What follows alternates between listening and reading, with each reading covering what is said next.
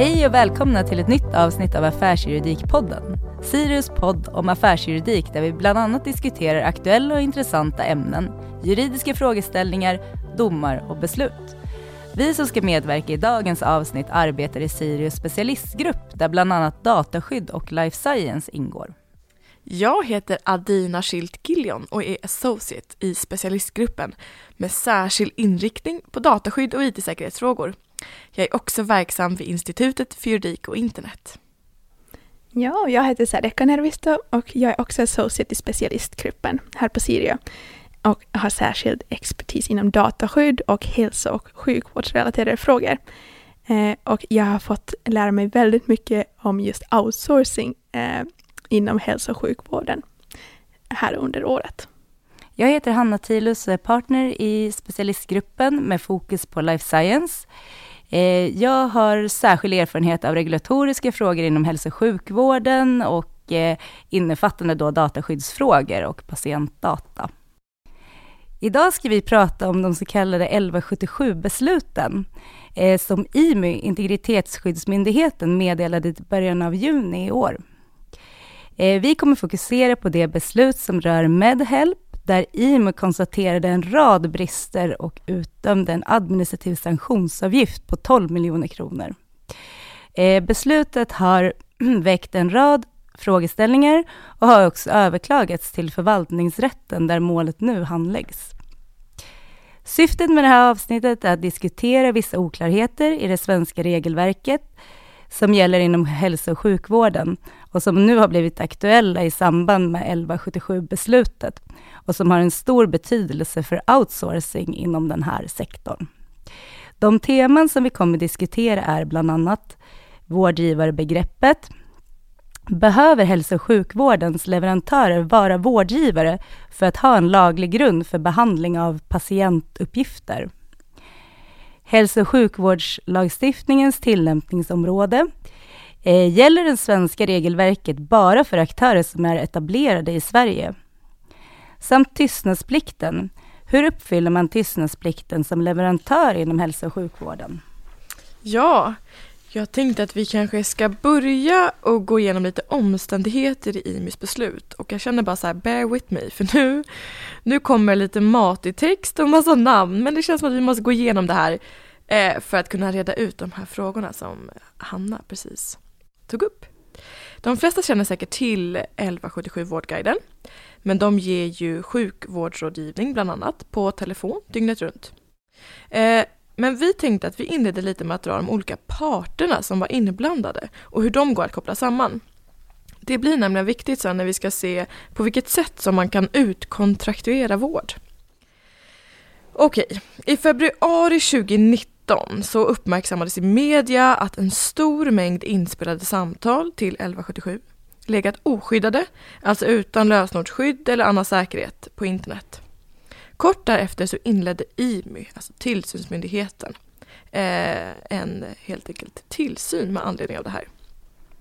Det här ledde till att IMY sen inledde ytterligare tre tillsynsärenden mot Region Stockholm, Region Sörmland och Region Värmland.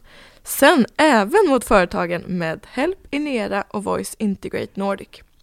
De tre regionerna hade nämligen anlitat Medhelp som vårdgivare när vårdsökande ringer 1177 för sjukvårdsutgivning och Inera för att koppla fram samtalen till Medhelp. Okej, lite till, sen Klara.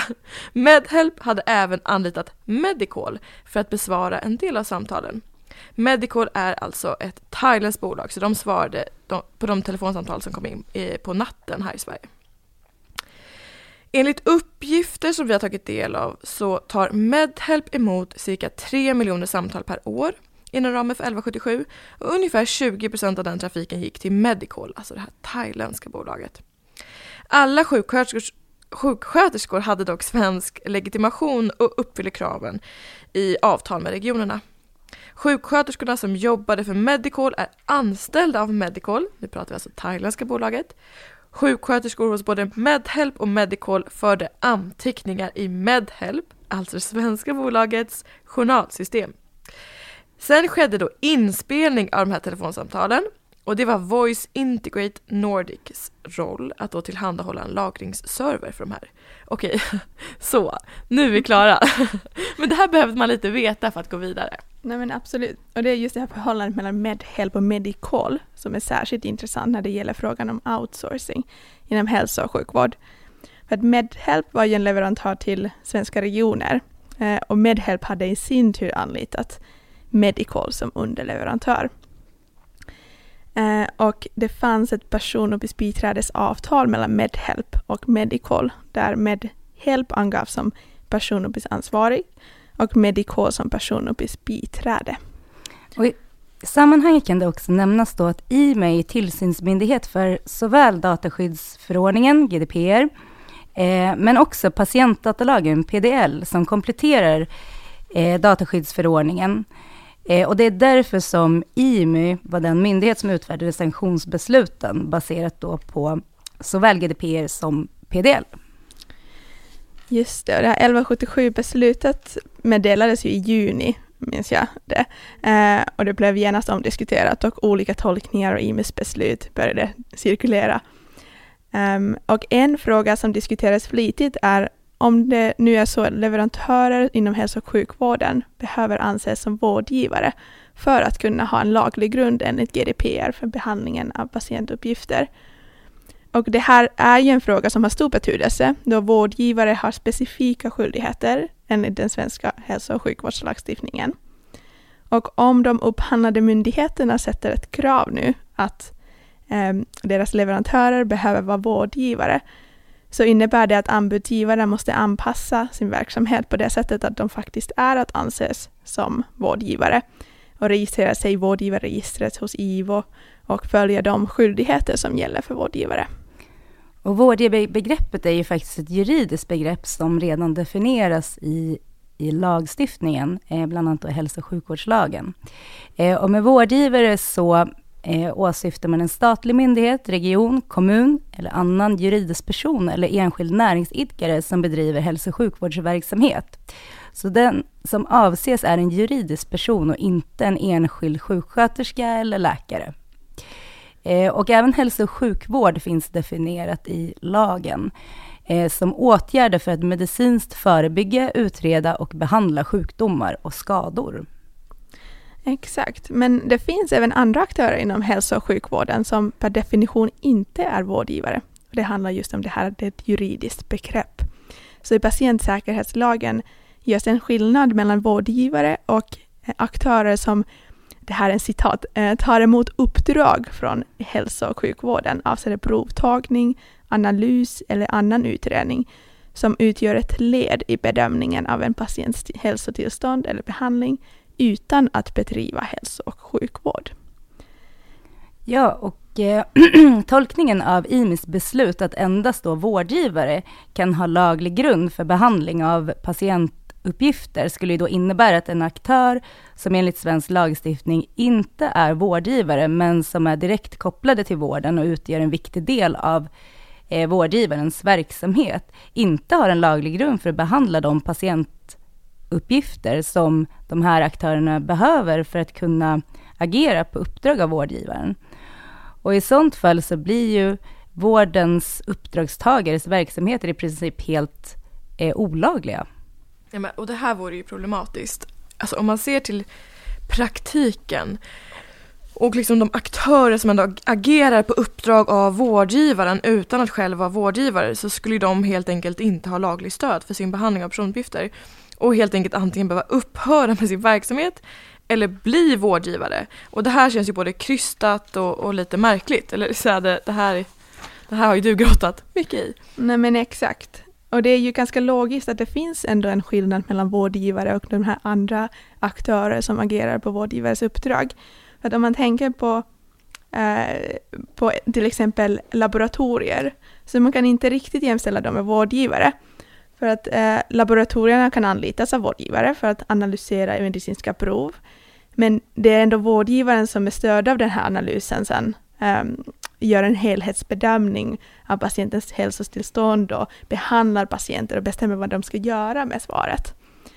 Eh, så då har vi ju verkligen analyserat IMIs beslut och försökt tolka det på olika sätt och även varit eh, lite i kontakt med IME angående det här. Och vår tolkning är att, att man måste förstå IMEs beslut i denna del såsom att det här handlade om de faktiska omständigheterna i, i det enskilda fallet. Det vill säga Medical bedrev vård, de förde um, journal, patientjournaler och det är faktiskt att bedriva vård och man behöver ha man behöver, behöver vara en vårdgivare för att kunna göra det eftersom lagliga grunden för det finns i patientdatalagen eh, som gäller bara för vårdgivare. Eh, så då eh, tycker vi i alla fall att, eh, att eh, man kan inte dra slutsatsen att alla måste vara vårdgivare för att eh, behandla patientuppgifter. Nej, precis. Så att, mm. alltså, IMEs beslut borde då inte utesluta möjligheten för andra än vårdgivare att behandla patientuppgifter, såvida mm. att de har en laglig grund för behandlingen och att IMEs beslut i den delen kan anses vara direkt kopplat till omständigheterna i det här enskilda mm. fallet. Så där tittade man alltså på vad var egentligen eh, Medhelps och Medicals eh, uppgift i, i just det här fallet. Mm, exakt. Men då är den naturliga följdfrågan, varför kunde inte Medical anses som vårdgivare om de nu ändå bedrev vård? Ja, alltså, och det här, här blir det här liksom, Vårdguiden-ärendet, den här tillsynen väldigt intressant att titta närmare på. Och det handlar om att IMYS har ju liksom i, i det här tillsynsbeslutet sagt att företag som har säte utomlands, nej men de omfattas inte av svensk hälso och sjukvårdslagstiftning. Och då kan de ju inte vara vårdgivare. Eh, och det innebär ju då att Medical, alltså det här thailändska bolaget, de kan inte vara journalföringspliktiga och de kan inte heller träffas av den svenskt eh, alltså reglerade tystnadsplikt som vi har i svensk rätt. Eh, och som då vi har nämnt tidigare, det här får vi liksom inte glömma i det här samtalet, så har ju det här, det här eh, tillsynsärendet överklagats. Eh, och där argumenterar man bland annat att IMUs uppfattning att då svensk lagstiftning inte är tillämplig på utländska aktörer som riktar sina tjänster mot svenska patienter är felaktig. Jag menar, okej, okay, om vi gör det här lite liksom, ta ner det på lite lättare nivå. Det här handlar alltså om aktörer som även om de helt och hållet bedriver vård riktad mot Sverige till svenska patienter på svenska utåt sett kan man inte se att det är ett utländskt bolag. De omfattas ändå inte av svensk hälso och sjukvårdslagstiftning för att de har sitt säte utomlands. Eller, eller hur Säde? det? Ja, exakt. Och det är den tolkningen som man har gjort i, i beslutet och då, då blir det intressant vilken slutsats eh, domstolen kommer dra i det här fallet. Ehm, det som är intressant är att det finns inte riktigt något direkt lagstöd för någon tolkning. Um, och det finns vissa förarbetsuttalanden där man säger att vården ska bedrivas i Sverige, men, uh, men världen är ganska annorlunda nu än vad det var när lag, lagen uh, stiftades. då det inte fanns så här digitala lösningar där liksom vården kan anses bedrivas i Sverige trots att någon faktiskt sitter i, i Thailand och pratar med, med en patient. Så här blir det ju väldigt intressant. Någonting som kan också nämnas här är att det finns flertal utländska aktörer registrerade i IVOs eh, vårdgivarregister. Eh, så det gör den liksom IMIS-tolkningen också lite förvånande. Jag tror det, är det blir lite, bra. Mm. lite spännande om jag liksom bara får hoppa in, för det här att man liksom inte får glömma aspekten av att liksom den som tar emot vården, den kan ju inte se det här. För det här var ju paketerat på svenska och riktat liksom till Sverige. Så därför blir det så himla spännande att se vad en domstol tycker om det här. Eh, ja. ja, exakt. Det blir jättebra att få klarhet förhoppningsvis. Här. Och det är också mm. intressant där att se att det är två stycken myndigheter som har lite olika eh, tillsynsområden har tolkat det här på så olika sätt. Så mm. IVO är den som utövar tillsyn över alla vårdgivare och det är dit man ska anmäla om man är en, en vårdgivare som omfattas av svensk eh, lagstiftning. Mm, exakt man hade kanske önskat att man hade pratat lite. Det kanske man har gjort. Det är det här som ska bli lite spännande. Att se hur de här två aktörerna tänker och tycker. Mm. Exakt. Um, och en sak som också diskuterades i beslutet var ju att liksom i och med att med Medicol inte omfattades av svensk lagstiftning så omfattas de inte heller av tystnadsplikten. Eh, och Tystnadsplikt är också en väldigt intressant fråga eftersom det är ett villkor för att kunna behandla hälsouppgifter eh, enligt GDPR. Eh, vi kommer diskutera det här lite mer sen, men eh, man behöver också ha en laglig grund för att behandla personuppgifter, så vi tänkte att vi skulle dra den också lite snabbt här. Yes. Ja, precis. Och även om, för det här avsnittet går ju liksom inte ut på att dra eh, liksom de rent dataskyddsaspekterna av, av det här eh, 1177-fallet, men, och de aspekterna är också väldigt intressanta. Men nu håller vi oss till andra saker. Vi går ändå igenom lagliga grunden, för den, den spelar väldigt stor roll. Och det handlar helt enkelt om att uppgifter om hälsa, alltså klassiska liksom när man ringer in och får sjukråds, eh, sjukvårdsrådgivning, så uppger man ju uppgifter om sin hälsa. Och det är enligt huvudregeln eh, otillåtet att behandla sådana uppgifter enligt dataskyddsförordningen. Men såklart finns undantag. Eh, och undantag särskilt då riktat till de som liksom arbetar inom hälso och sjukvård. Och då framgår det här undantaget både av GDPR, alltså dataskyddsförordningen, men även av den svenska kompletterande lagen som liksom ju stadgar olika ändamål när man helt enkelt får behandla hälsouppgifter trots det här förbudet. Eh, och det är inte enbart när man bedriver vård som man då träffas av det här undantaget i den svenska kompletterade lagen. Eh, det finns också andra aktörer som behöver behandla uppgifter och som ja, bör omfattas av undantaget trots att de själva då inte är vårdgivare. Och i den här svenska kompletterande då, lagen så har man sett till att föra in även de här andra ändamålen. Eh, så där har man ju ändå lite tagit höjd för att nej men det är ju inte bara vårdgivare som behöver behandla hälso, eh, hälsouppgifter. Mm, exakt. Så vi kan nog ändå säga att vi är ganska övertygade att liksom, det finns en laglig grund även för andra än vårdgivare att behandla hälsouppgifter. Eh, men sen kommer vi till det här liksom, kravet på, ett, på en lagstadgad tystnadsplikt. Eh, och eh, det härleder från eh, dataskyddsförordningen, eh, men sen måste man ju gå till den nationella lagen för att hitta den svenska varianten av tystnadsplikten. Och grejen är att det måste vara just lagstadgad eh, tystnadsplikt. Um, och då, för att en leverantör till en vårdgivare ska kunna behandla patientuppgifter så behöver leverantören som utgångspunkt omfatta, omfattas av en, lag, en lagstadgad eh, tystnadsplikt. Um, den svenska lagstiftare har bedömt eh, att kravet på tystnadsplikten inte omfattar personuppgiftsbiträden. Eh, men det här synsättet har ifrågasatts av IMU i andra sammanhang, så det finns lite osäkerhet även den delen. Eh, men en slutsats som man ändå kan dra är att i de allra flesta fall behöver man ha en tystnadsplikt som gäller för de som ska behandla personuppgifterna. Och alltså enligt mm, lag eller enligt avtal? Ja, förmodligen enligt lag. Eh, I alla fall enligt GDPR så är det enligt lag. Och sen kommer vi till OSL-problematiken lite senare, men men utgångspunkt är att tystnadsplikt måste vara stadgat i lagen, det ska gälla enligt lag. Sen kan man ju såklart stärka tystnadsplikten avtalsmässigt, men det är lite annan sak eh, rent juridiskt. Mm. Eh, men, men då liksom, om man då liksom fortsätter med utgångspunkten att ja, eh, tystnadsplikten kommer nog ändå behövas i de allra flesta fall.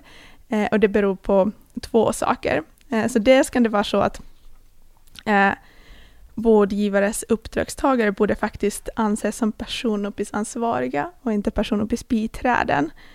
Och det här är för att liksom behandlingen av personuppgifterna är direkt kopplade till eh, uppdragstagarens verksamhet och funktion. Eh, så vårdgivaren anlitar inte uppdragstagaren för att behandla personuppgifter. Eh, vårdgivaren anlitar uppdragstagaren för att, eh, för att ta fram en analys, en självständig analys och då behöver man såklart också behandla personuppgifter för att göra det. Och då, liksom, när man gör en sån bedömning av personuppgiftsansvar så kan man ändå argumentera att, att den här liksom uppdrags, uppdragstagarens behandling är så pass självständigt att de borde anses som personuppgiftsansvariga. Och då gäller ju tystnadspliktskravet utan tvekan. Och vi kan inte liksom gömma oss bakom det här personuppgiftsbiträdeskravet som, som lagstiftaren har öppnat för i, i förarbeten. Um, men en annan aspekt är att tystnadsplikten gäller i praktiken även enligt OSL, alltså offentlighet och sekretesslagen. För att hälsouppgifter är ju sekretessbelagda eh, och för att dessa uppgifter får röjas, eller i det här fallet liksom delas med någon annan, eh, så måste den aktören som får ta del av de här uppgifterna i praktiken omfattas av en eh, tystnadsplikt. Alltså okej, okay, vi måste ta det här igen, för jag tycker att det här är så eh, viktigt och spännande. Eh, för att, ah, och svårt. För jag menar okej, okay, GDPR öppnar för att säga nej okej, okay, biträden behöver inte eh, omfattas av det här sekretesskravet, men de kommer behöva göra det ändå. Eller kan vi gå på avtal där? Mm, exakt. Och det är en väldigt komplicerad fråga som vi skulle kunna prata i ett annat avsnitt nästan, men, men det finns ju till exempel det här konskriptorärendet eh, för några år sedan, eh, där man har liksom sagt att det inte skulle räcka med avtalsmässigt eh, eh eller avtalsreglerat ty tystnadsplikt. Men lagstiftaren har ändå verkat liksom öppna lite för, för den möjligheten. Um, det här blir så, så spännande att uh, följa tycker jag, just när man ser på liksom så hur man bedriver vård idag och att det finns olika aktörer mm. och alla är inte så klassiska vårdgivare. Eh, och att ändå man i dataskyddsförordningen har öppnat upp för det här, eller framförallt kanske i förarbetena. Eh, ja, det mm, var en spännande exakt. aspekt. Men ja, vi skulle kunna prata ett avsnitt om det. exakt.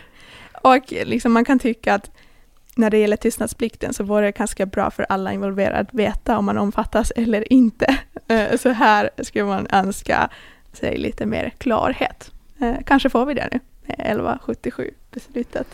Men i just det här fallet så mm. menar ju faktiskt IMO att svensk lagstiftning inte gäller för de här utländska aktörerna överhuvudtaget. Eh, och då så utsluter man ju mm. de leverantörerna. Och dessutom så gäller ju tystnadsplikten enligt patientsäkerhetslagen, som då också omfattar privata aktörer, för sjukvårdspersonal inom hälso och sjukvården. Så det innebär ju att eh, hälso och sjukvårdspersonal som arbetar för vårdgivarens upp, eh, uppdragstagare, eh, som inte bedriver vård, men agerar på vårdgivarens uppdrag, inte omfattas.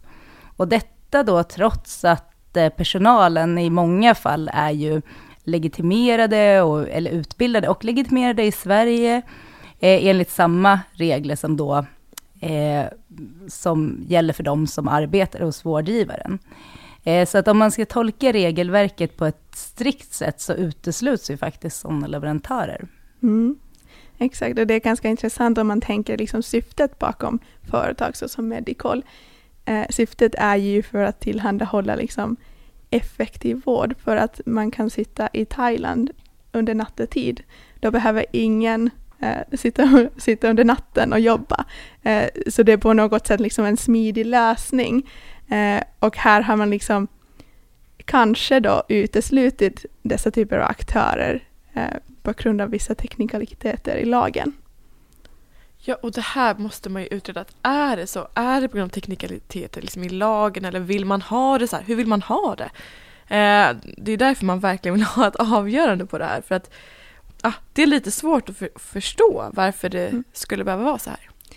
Exakt, så, så i praktiken, om man nu verkligen tolkar lagen uttryckligen så, så kan man ändå argumentera att det är endast vårdgivare eh, som kan anlitas som leverantörer inom hälso och eh, sjukvården. Men det här lirar inte alls med den strukturen som ändå har byggts i, i det svenska regelverket som möjliggör delegation av viss verksamhet till aktörer som inte bedriver vård varför skulle vi ha den här bestämmelsen om, om uppdragstagare om det inte är möjligt för dem att behandla personuppgifter? Eh, så en lösning som vi anser är det mest pragmatiska är att uppdragstagare som agerar på vårdgivarens uppdrag utan att själv vara vårdgivare ska anses agera under vårdgivarens ansvar och att patientuppgifterna som behandlas därför skyddas av den tystnadsplikten som gäller inom vårdgivarens verksamhet. Och sedan kan man, som vi pratade lite redan, man kan alltid stärka tystnadsplikten avtalsmässigt. Ehm, eventuellt med förenade viten till exempel. Eh, för att vara säker att den tystnadsplikten gäller även i praktiken. Uh, men det är osäkert om och kanske till och med osannolikt att en avtalsreglerad tystnadsplikt är tillräcklig i OSLs mening. Då. Men uh, om den här lösningen inte godtas så påverkas ju hela branschen verkligen och outsourcingen blir i princip omöjlig. Men, och det finns ju ett problem i att frågan om tystnadsplikt är så oklar idag. Det är en väldigt viktig fråga inom liksom hälso och sjukvård och ah, det här liksom gapet som eventuellt finns måste ju på något sätt liksom fyllas upp.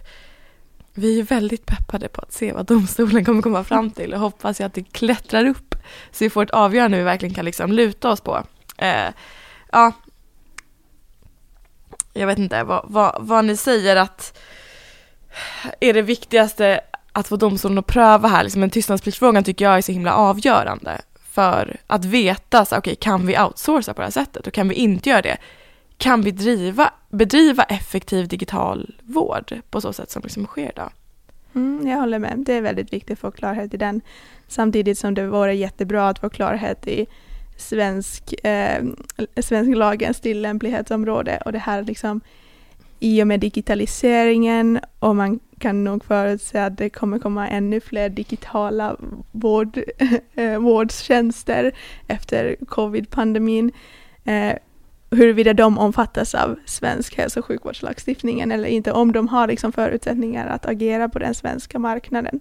Eh, så jag tror att liksom den här domen kommer ha väldigt långtgående konsekvenser och har alla förutsättningar att klargöra rättsläget. Ja. Vad tycker du Hanna? Ja, och kanske också bli överklagad så att även domen från förvaltningsrätten, mm. det är inte helt osannolikt att det, även den då skulle bli överklagad. För att jag tror mm. att vi har ju verkligen kunnat konstatera att det finns många oklarheter och att de här beslutet lämnar eh, en hel del frågetecken. Eh, och just som ni båda har varit inne på, att just för att kunna skapa förutsättningar för en kostnadseffektiv vård med bra kvalitet eh, och också ha den här digitala och liksom flexibla approachen, så, så tycker i alla fall jag personligen att eh, det behöver ju finnas möjlighet att kunna outsourca den här typen av eh, verksamhet och eh, ja, helt enkelt ta, dra nytta av all arbetskapacitet som, som finns, eh, så att inte, ja, men till exempel sjuksköterskor och läkare behöver jobba på nätterna digitalt, när det finns möjlighet att ta in den, de tjänsterna från, från någonstans där det är dagtid. Mm. Ja, och jag menar, nu, det kanske också är en diskussion, alltså det här avgörandet väcker så mycket diskussioner. Men det känns också som att så här, okay, branschen behöver veta det här för att det är ju ingen som vill bedriva vård felaktigt och det här blir också liksom så här svårt mot den som tar emot vård att man faktiskt, hur ska man kunna veta eftersom det bedrivs ju av så här svenska sjuksköterskor som sitter och pratar på svenska och tjänsten är på svenska, allt är på svenska. Hur ska jag veta så här, oj det kanske inte finns någon tystnadsplikt här eller så. Så att det här, ja men det här måste ju klaras upp så att branschen kan anpassas i alla fall efter hur vi vill ha det. Um, Ja. Och vi kanske också ska nämna i det här sammanhanget att eh, en del som togs upp i beslutet var ju just den här saknaden av information till patienterna eller de som, som ringde och ville ha sjukvårdsrådgivningen, att de inte, eh, de informerades helt enkelt inte om att det var så här deras personuppgifter behandlades. Och det var ju en annan del utav besluten. Precis. Mm. Man skulle vilja prata om hela dataskyddsbiten i det här också. Svårt att ja. hålla sig.